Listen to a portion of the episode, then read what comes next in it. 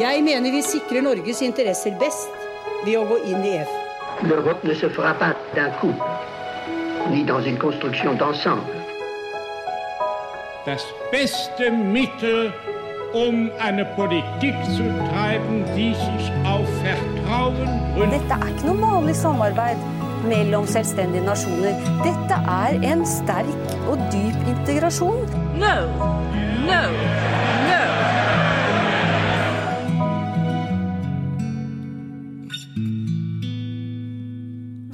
Velkommen til Det europeiske kvarter, en podkast om europeisk politikk og historie, med Lise Rye og meg, Kristine Graneng, ved programmet for europastudier på NTNU.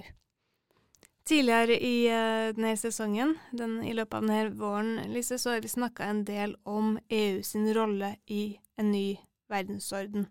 Hvordan, um, utviklinga i verden, uh, geopolitikken og, og, de store linjene gjør og de store krisene. Ja, gjør at, at EU må, må, tenke litt nytt. At, at, det skjer endringer i de på en måte overordna strategiene i EU.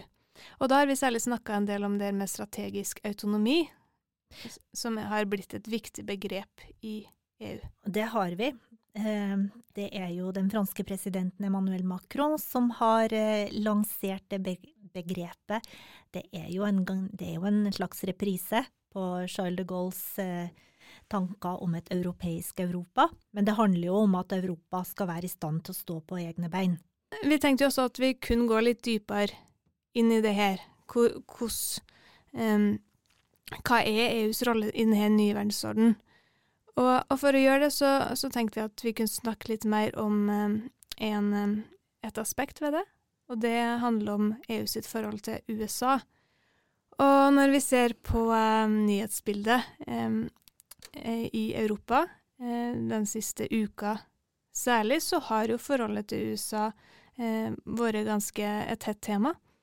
Og det henger sammen med at Macron han var på besøk i Kina den siste mm -hmm. uka, og kom med noen uttalelser i, i, forbindelse med det, der han sa at Nå parafraserer jeg litt, men han sa det at at Europa måtte ikke gjøre seg for avhengig av um, USA, at USA satte dagsorden for Europa, at man måtte prøve å unngå å, å på en måte bli innblanda som en part i en konflikt mellom USA og Kina om Taiwan.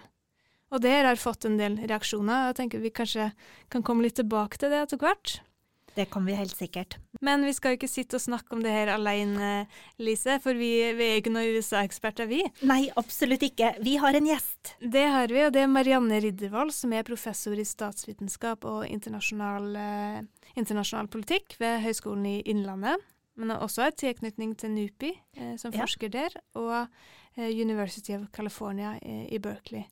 Det stemmer. Velkommen, Marianne. Tusen takk. Vi må jo gå et stykke tilbake i tid, eh, Elise. Først tenker jeg fordi denne relasjonen EU har hatt til USA, den er jo ganske spesiell. Ja, helt klart. Um, mange vil jo si at det er USA som startet den europeiske integrasjonen uh, ja, når, etter den andre verdenskrig, og når den kalde krigen uh, startet. Og USA ble jo lenge regna som den europeiske integrasjonens fremste venn og største sponsor.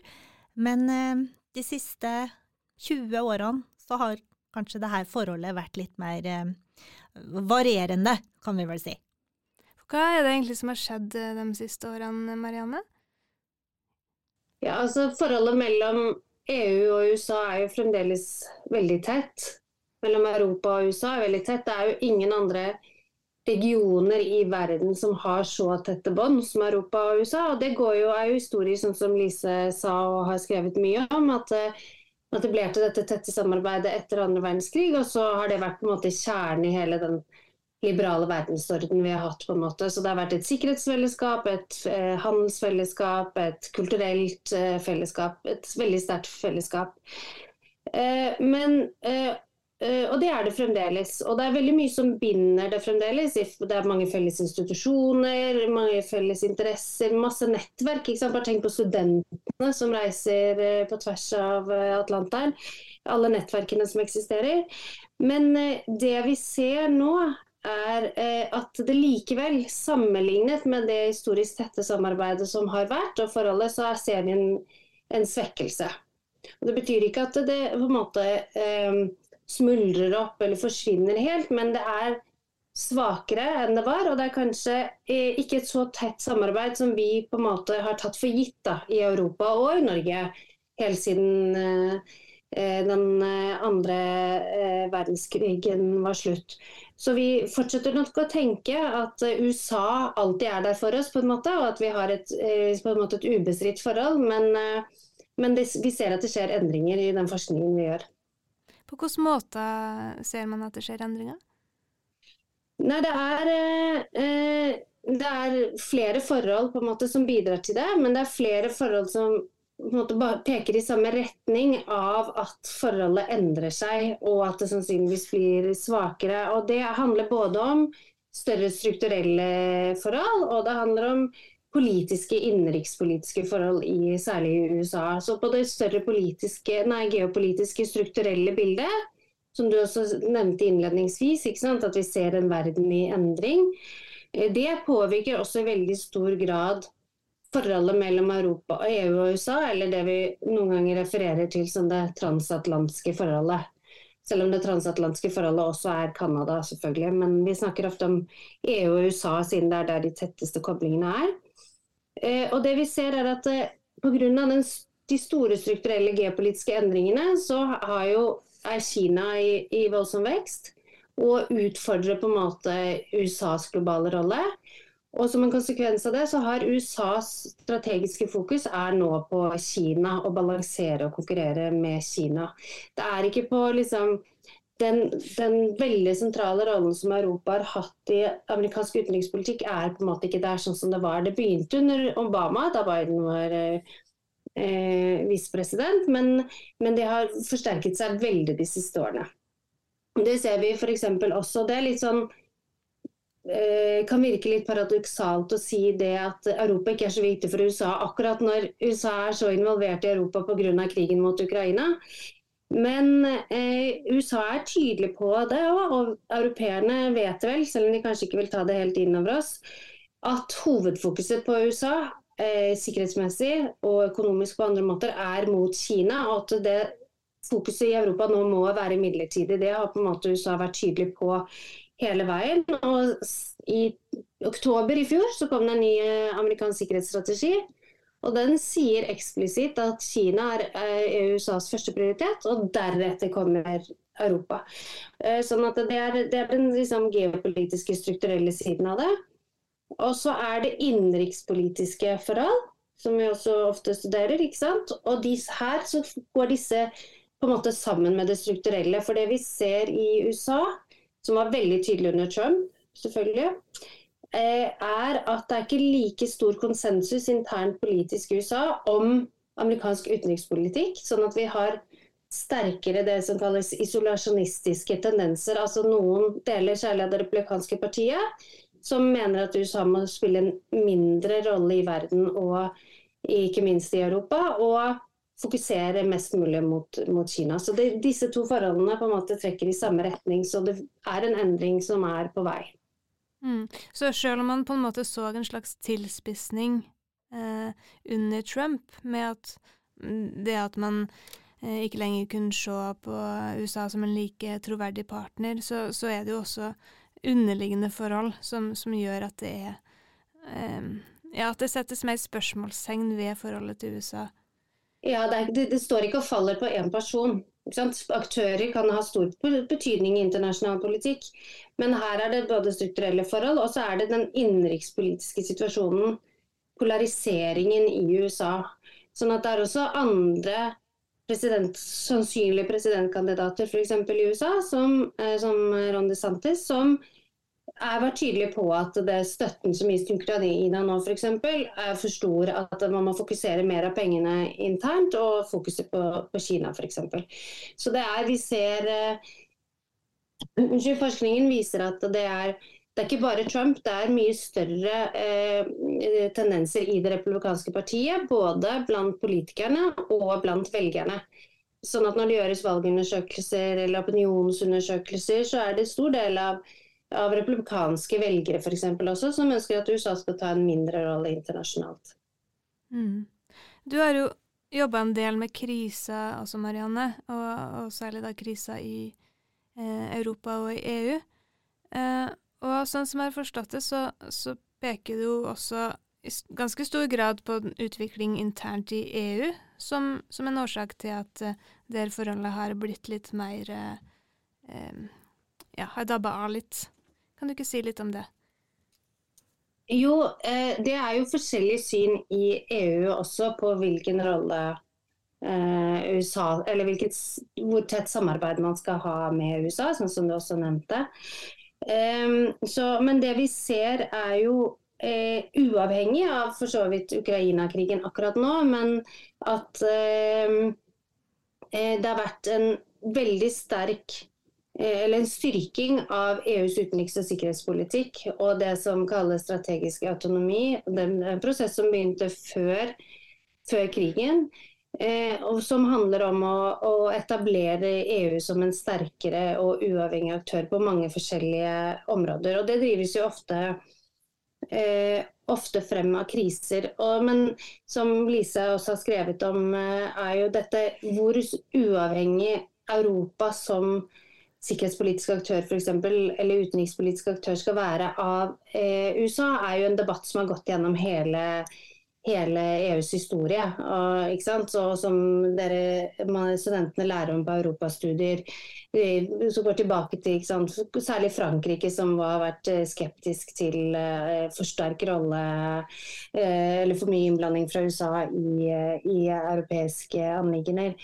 Men det vi har sett nå, særlig i lys av kriser, er jo at EU e har forsterket dette som kalles strategisk autonomi, ikke bare på forsvars- og sikkerhetspolitiske områder, hvor det opprinnelig ble på en måte foreslått som, som konsept fra, fra Macron, eh, men også på veldig mange andre områder. Eh, fordi eh, man ser eh, en, eh, at eh, Europa er mye mer sårbart i en mer usikker, ustabil verden, preget av mer konflikt. Sånn at som dere studenter også vet godt, så er jo EU på en måte utviklet seg alltid, på en måte ikke bare det, men ofte gjennom kriser og respons til forskjellige geopolitiske eller større eh, globale endringer. Og det EU vi ser i dag er jo på mange måter et kompromiss mellom land med forskjellig syn på hvor mye overnasjonalitet man skal ha, hvor mye makt EU skal ha, og hvor mye landet skal bestemme selv. Eh, og Utfallet av det har jo blitt en komplisert eller annerledes type organisasjon. Men det har også betydd at det er noen områder i EU som har vært mindre integrert enn andre områder. For det er noen områder hvor medlemslandene, eller noen land særlig, har holdt igjen mest og sagt vi vil bestemme over hvem som får statsborgerskap i våre land. Derfor så vil vi ikke at EU skal bestemme for mye over migrasjonspolitikken sikkerhets- og forsvarspolitikken det går til kjernen av nasjonal suverenitet. Dette må vi på en måte ha litt mer kontroll over selv. Helsepolitikken, særlig de nordeuropeiske landene, har ikke ønsket helseshopping eh, i EU, selv om vi har fri bevegelse, som man nesten i praksis har det. Men der har man holdt igjen. Og det vi har sett i senere år, er at når EU har stått i kriser, så har landene i større og større grad blitt enige om å gjøre felles ting også på disse områdene. Eh, sånn f.eks. under covid, hvor man har ikke en felles helsepolitikk, men man blir enige om felles eh, eh, tiltak likevel og felles mekanismer. Og dis, på alle disse områdene så ser vi nå at dette strategiske autonomibegrepet kommer igjen. Fordi på, Om det er eh, tilgang til helsemateriell og vaksiner som man ikke hadde tilgang til under covid fordi at eh, de produseres i India og Kina, eh, eller om det er energi som Ukraina, krigen mot Ukraina viste avhengigheten til, til Russland. For eh, energi eh, så ønsker man da å øke energisikkerheten og uavhengigheten av resten av verden på disse områdene. Det er kritiske råvarer, det er sikkerhet og forsvar. Så på alle disse områdene så jobber eh, EU nå med å bli mer autonom. Og da kommer dette dilemmaet med USA opp, da, kan du si. på en mm. måte. For spørsmålet er jo da om man kan ha en strategisk autonomi og samtidig bevare det gode forholdet til, til USA.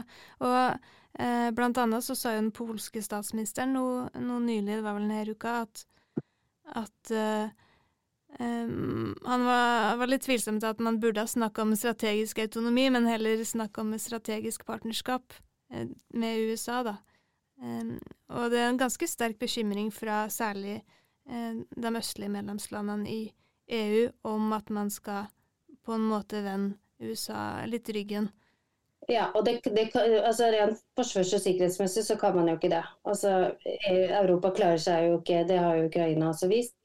Sikkerhets- og forsvarsmessig så er jo ikke eh, EU i det hele tatt i stand til å stå på egne ben og forsvare seg mot en, en stor fiende på et vis. Så man er jo helt, fremdeles helt avhengig av USA.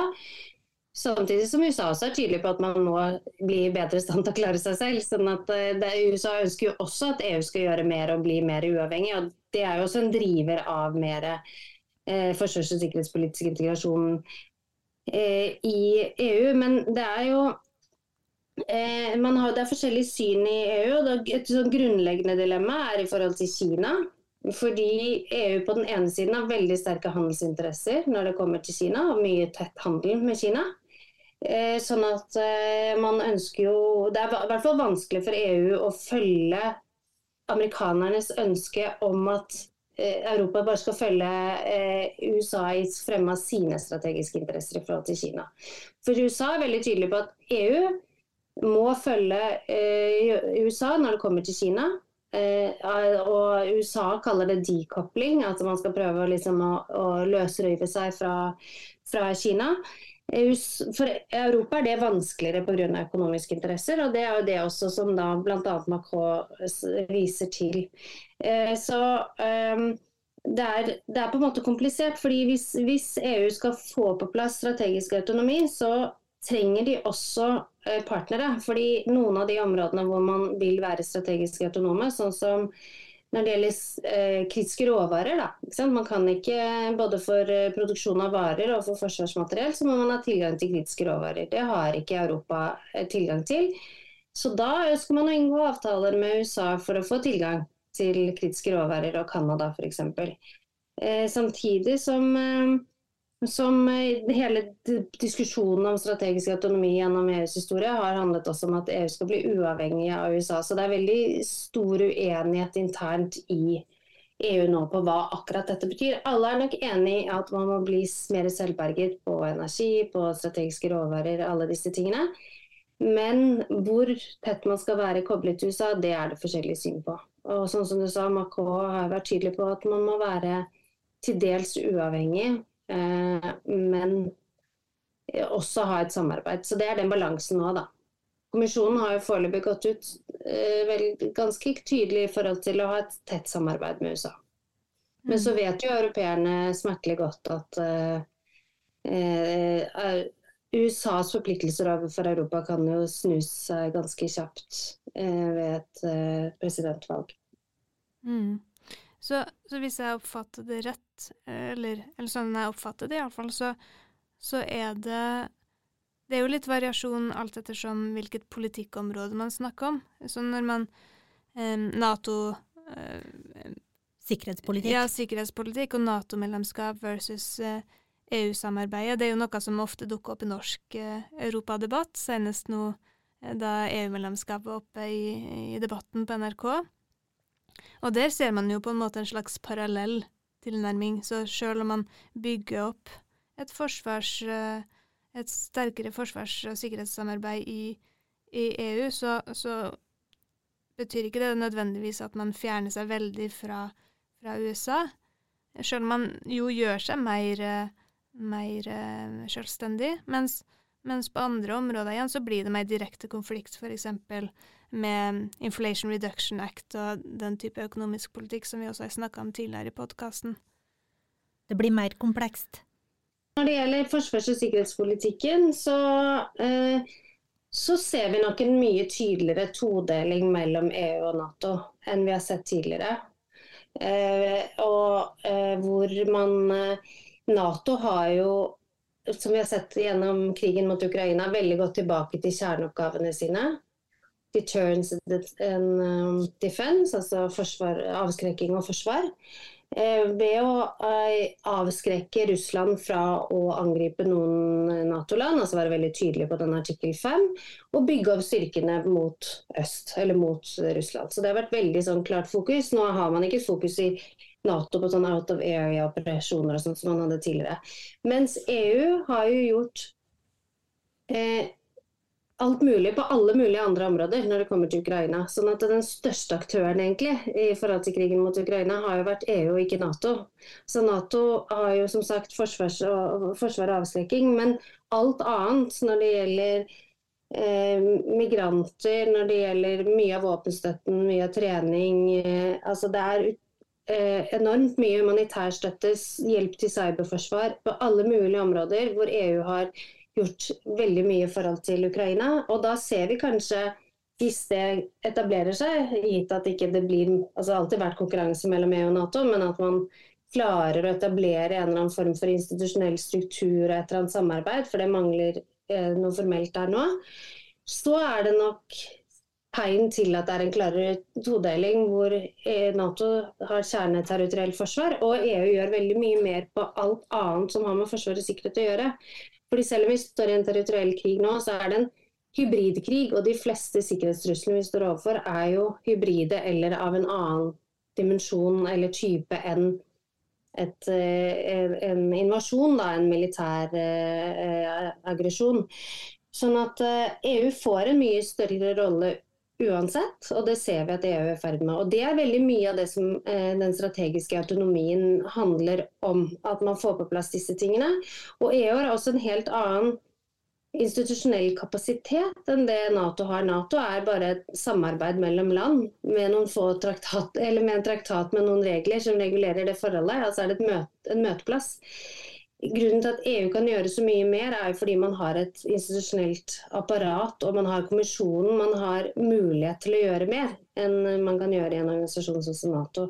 Så på veldig mange områder så har, kan EU eh, håndtere kriser, også sikkerhetspolitiske kriser, eh, en, på en annen måte enn det Nato kan. Og det vil også og Det ser vi også nå hvor man samarbeider f.eks. om militær mobilitet med Nato. Det gjøres innenfor EU fordi EU har apparatet, men det kobles på Natos uh, virkemidler. Eller produksjon av forsvarsmateriell. EU har direktiver for de, de, regulerer jo produksjon eh, og markedet. Så man kan gjøre mye mer i EU. Så nå er jo en utfordring da, som sagt, å få på plass det mer sånn institusjonelle apparatet. og Det blir jo spennende å se om man får til. Men det så det betyr at det, Sverige og NATO søkte NATO, nei, Sverige og Finland søkte Nato-medlemskap. Eh, indikasjon på at EU åpenbart ikke er nok rent forsvars- og sikkerhetspolitisk når man står overfor en sånn trussel som Russland. Men Danmark eh, fjernet sine forsvarsforbehold i, i avtale med, med, EU. Og det er, som vi kanskje ikke helt alltid tar inn over oss i Norge, er at Nato er heller ikke nok i en sånn sikkerhetspolitisk virkelighet som vi står i. Fordi man trenger forskjellige virkemidler og man trenger forskjellige strukturer for å håndtere det. Og da kommer EU inn med og har for første gang da, brukt alle de eh, virkemidlene man har til rådighet eh, i denne, i denne krigen. Eh, så Det er jo det sikkerhetspolitiske. og Der er også USA opptatt og interessert i et samarbeid og vil fortsette å pushe på at EU gjør mer. Men hvordan det vil se ut under en Trump eller en eh, DeSantis-regjering eller presidentskap i USA, det vet man jo ikke. Um, vi vet heller ikke om eh, hvordan USA hadde reagert eh, hvis det var Trump som var president 24.2.2022. Det kan man jo bare spekulere i. Men så, det dette, så kommer det andre spørsmålet, som du sa. Men nå blir kanskje litt langt svar her, da. Dette med, med, IRA og handelsrelasjoner mellom EU og USA. For det er jo et annet område hvor man selvfølgelig har et tett, eh, tett, samarbeid, og man har felles ideer om frihandel. Man har sammen bygget opp sant, hele dette eh, systemet av internasjonale finansinstitusjoner etter den andre verdenskrig osv. Men eh, EU og USA har faktisk ikke noe handelsavtale. Og selv om eh, Biden har vært sittet et par år nå, så har man heller ikke etablert noe handelsavtale eller forsøkt å komme i gang med en handelsavtale. Eh, og, og, det vi har sett med eh, IRA, var jo at Eller eh, Inflation Reduction Act, som det heter. Altså Biden sitt sånn subsidierte grønne tiltakspakke i USA, som støtter amerikanske bedrifter i grønn omstilling. er jo at EU reagerte jo veldig på det og anså det som proteksjonistisk. Men, men nå så er det diskusjoner mellom EU eh, e og USA for hvordan man kan finne en løsning også på disse, disse spørsmålene. Da, sånn at europeiske bedrifter også skal kunne konkurrere for lik linje med amerikanske bedrifter. For hadde EU hatt en handelsavtale med USA, så hadde man fått disse fordelene automatisk. Det for Canada og Mexico f.eks. Sånn at det er, er, diskusjoner på det. Men det er også uenighet og handelsuenigheter har det vært i, i WTO, Verdens handelsorganisasjon, i mange mange år. Der der er det mange helt låste konflikter.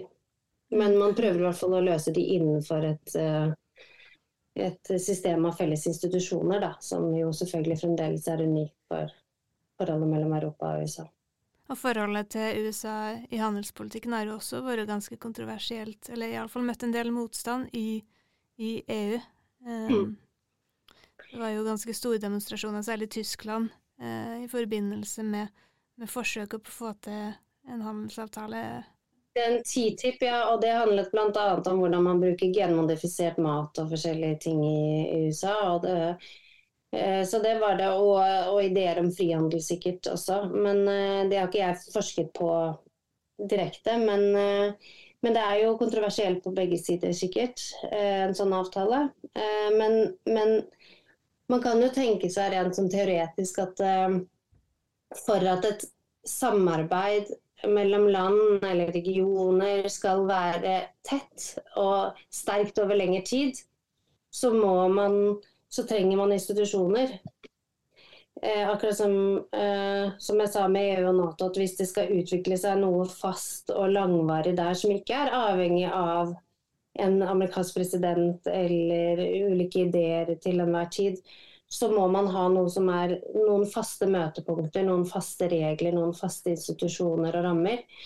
Eh, og en handelsavtale eh, mellom EU og USA ville jo vært en, sånn, en sterk institusjonalisering av et, et, samarbeid mellom de to regionene. Så, så, sånn sett kan man jo argumentere for at det ville kunne være med å fore, forebygge at strukturelle eller aktør, eh, eller at uh, ulike aktører som uh, spiller viktige roller i amerikansk politikk f.eks. får for, stor innvirkning på, på styrkene det forholdet. Mm. Marianne, vi har snakka mye om hvordan det geopolitiske bildet påvirker EU, men vi må snakke litt om eh, Norge òg, hvordan denne situasjonen påvirker Norge. Eh, du hadde, du hadde, en veldig interessant kronikk på trykk i fjor høst, som vi leste en kronikk du skrev sammen med Øyvind Svendsen. Og der skrev dere at europadebatten i Norge den måtte i større grad ta inn over seg denne satsinga i EU på strategisk autonomi. Kan du si litt om hva dere, hva dere la i det, hvordan dere tenkte at det måtte, måtte informere norsk europadebatt? Eh, ja, det handler om det som vi snakket om tidligere, med hvor fort utviklingen i EU går på mange av disse områdene som ikke tidligere har vært så tett integrert i EU. Eh, helse, forsvar og sikkerhet, eh, eh, energi, eh, klima. Altså klima har jo vært delvis, men det kommer mye nytt der. ja, migrasjon kommer etter hvert. Eh, hvor det skjer etter hvert som EU står i kriser, og EU løser disse krisene ved å lage nye eh, mekanismer for samarbeid. Eh, og er, eh, og hvor fort dette går, og hvor, hvilke implikasjoner det har for Norge, eh, det har vi, sånn som jeg ser det, og Øyvind ser det, ikke helt tatt inn over oss i den norske, norske debatten. Eh, og Det er flere ting som er viktig da. Det ene er jo at det går veldig fort, at det er nye områder. Eh, og det er nye områder som er på en måte per definisjon transnasjonale eller grenseoverskridende, som eh, krever en eller annen form for samarbeid for å løse det, så kan man jo diskutere om EU er det rette stedet for det eller ikke. Det er på en måte et politisk spørsmål, men det er grenseoverskridende utfordringer. Eh, og så har EU som jeg nevnte tidligere, så er jo EU hvordan EU ser ut i stor grad liksom, resultat av kompromisser mellom land med forskjellig syn på hva, hvor mye EU skal gjøre på hvilke områder, og hvor mye nasjonalstaten skal gjøre selv. Og, og Det har spilt seg også ut i hvordan mange av disse mekanismene har blitt seende ut. For de har blitt, Istedenfor at man bare går videre for eksempel, og lager, eh, integrerer i det indre markedet f.eks., eh, sånn at eh, blir, alt blir fellesskapspolitikk, så har man laget i stor grad sånne, litt sånne hybride løsninger. Som eh, f.eks. Eh, ofte ligger under kommisjonen, men likevel har mellomstatlige elementer. Så det er litt sånn komplisert. Men, men, det betyr at de ser annerledes ut, så det er ikke så lett for Norge nødvendigvis å, å komme med i disse samarbeidsformene.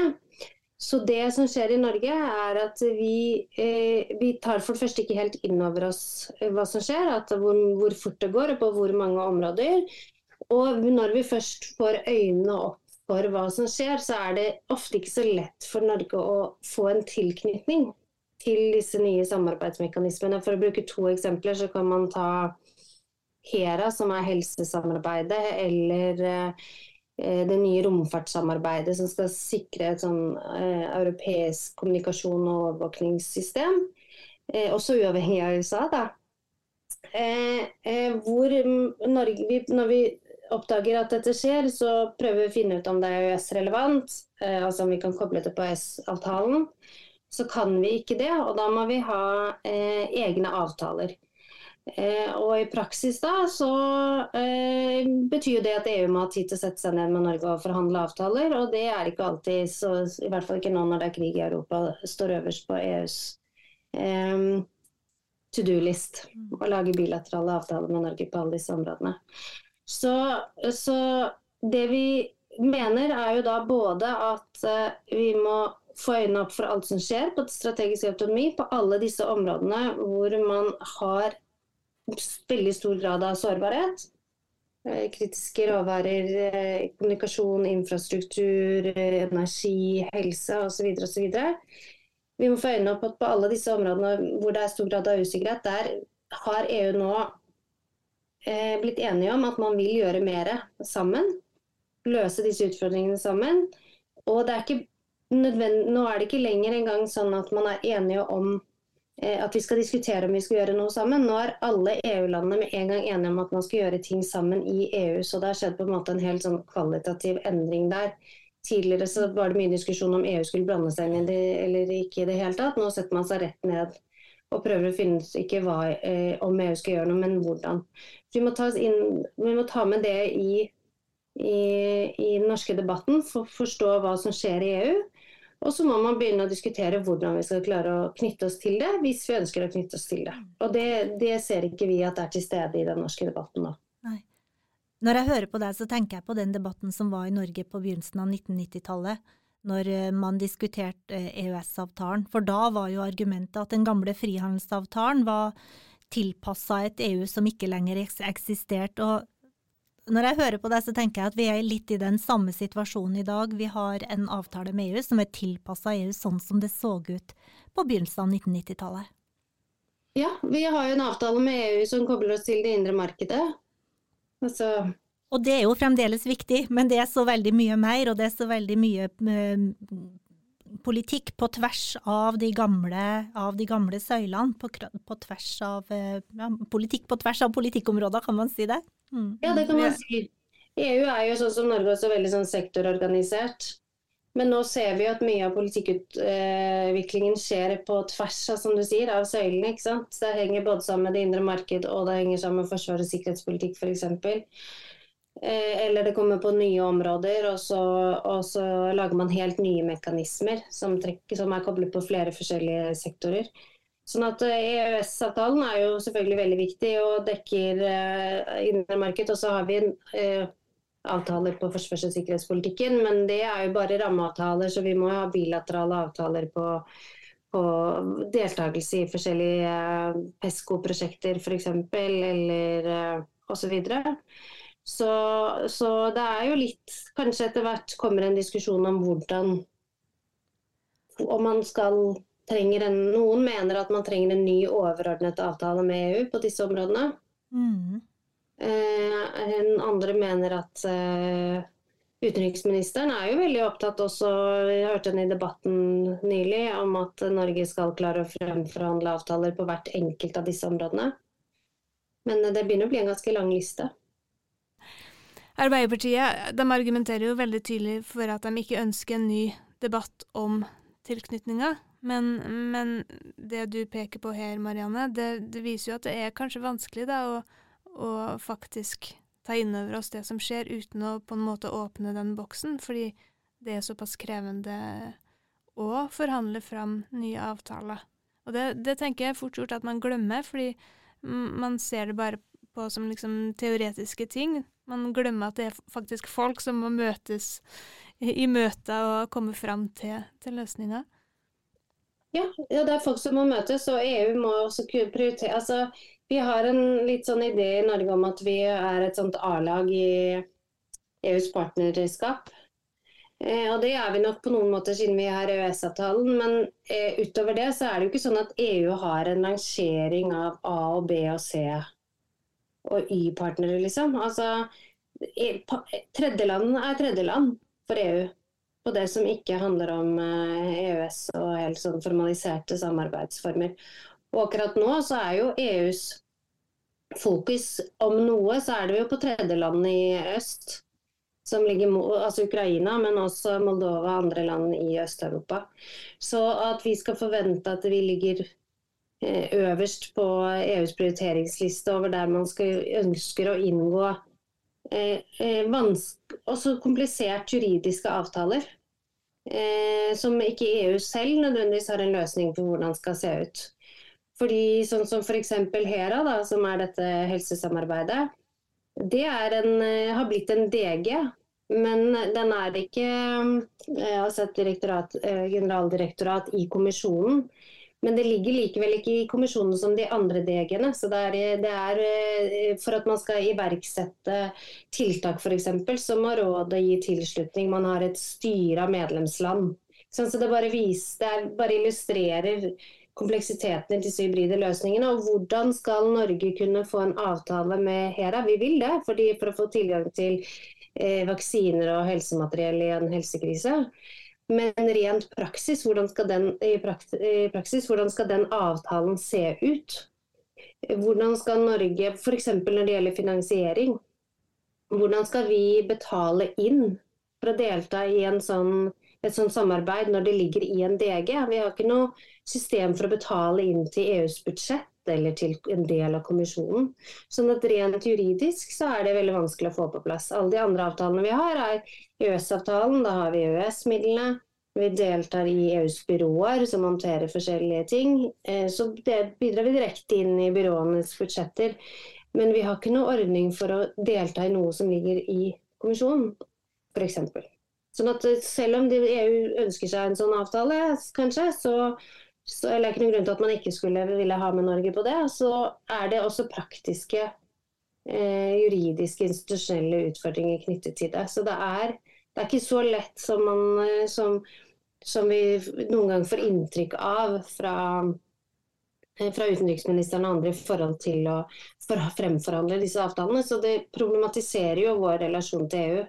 Så er det jo hva som er løsningen, er jo et politisk spørsmål. Om man vil ha mer samarbeid med EU og flere avtaler, eh, om man ønsker medlemskap, eller om alternativet er å trekke seg ut og gjøre noe annet. Det er et politisk spørsmål. Men, men, eh, men, at det må opp til debatt fordi situasjonen har endret seg. Så vi kan ikke bare tenke at vi får de avtalene som hører til EU, eller som er koblet på øst på et eller annet vis, og så lager vi og vi ordner seg alltid med bilaterale avtaler på områder som ikke er dekket av EØS, sånn som vi gjort tidligere. Det er ikke så enkelt lenger, for det skjer på så mange områder, og det er en mer kompleks eh, virkelighet, og EU utvikler seg veldig fort. Mm. Så det byr jo på en rekke utfordringer, og, og, jeg tenker at noe av det viktigste vi må ta med oss fra denne samtalen, Marianne, er jo nettopp det at vi må følge med på hva som skjer i EU, og, og det blir i stor grad preget av det som skjer i verden utafor så blir det jo spennende å følge med på, på USA videre. Og hvordan de her innenrikspolitiske eh, strømningene kommer til å påvirke forholdet fremover, kanskje først og fremst. Ja, det, hva som skjer i USA har utrolig mye å si for Europa og for verden, rett og slett. Så ja, det er veldig spennende spennende og nesten litt skremmende. Det skal bli interessant å se hvor man treffer balansen mellom det her behovet for eh, å være selvberga og autonom på den ene sida, og avhengigheten som utspiller seg på mange områder på den andre. Ja, og det er jo også sant, en, på en måte en idémessig diskusjon, da.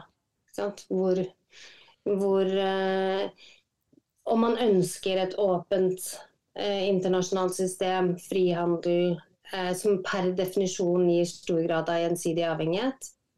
Eh, og hvor mye man ønsker å, å, ha sterke regioner som er eh, selvstendige eller uavhengige av resten av verden. På en måte, og EUs sin eh, dominerende tankesett, og det har jo også vært USAs tradisjonelt dominerende tankesett, er jo at man ønsker seg en en, en, eh, verden som er åpen med stor grad av gjensidig avhengighet, men som er regulert og institusjonalisert gjennom felles organisasjoner, sånn som i FN f.eks. Og Det er jo fremdeles den dominerende tankegangen i Europa. Jeg tenker Det er viktig å ikke helt glemme det, selv om vi ser mer sånn eh, søken etter strategisk autonomi og selvberging på noen områder. Eh, så Det er jo det derfor man i EU nå bruker Man har prøvd å løse den, det dilemmaet gjennom å snakke om de-risking.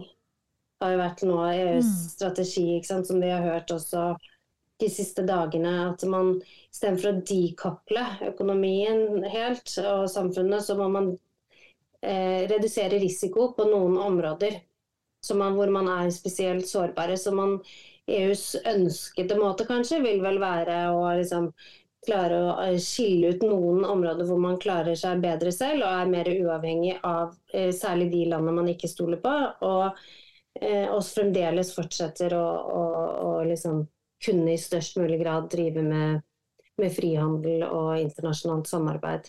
Så det er vel, Kunne man velge, så hadde man vel samarbeidet med Kina og handlet med Kina der man kunne, og vært uavhengig der man, mm.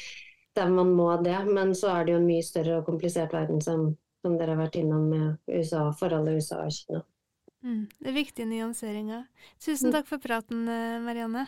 I like måte. Takk for at jeg fikk komme.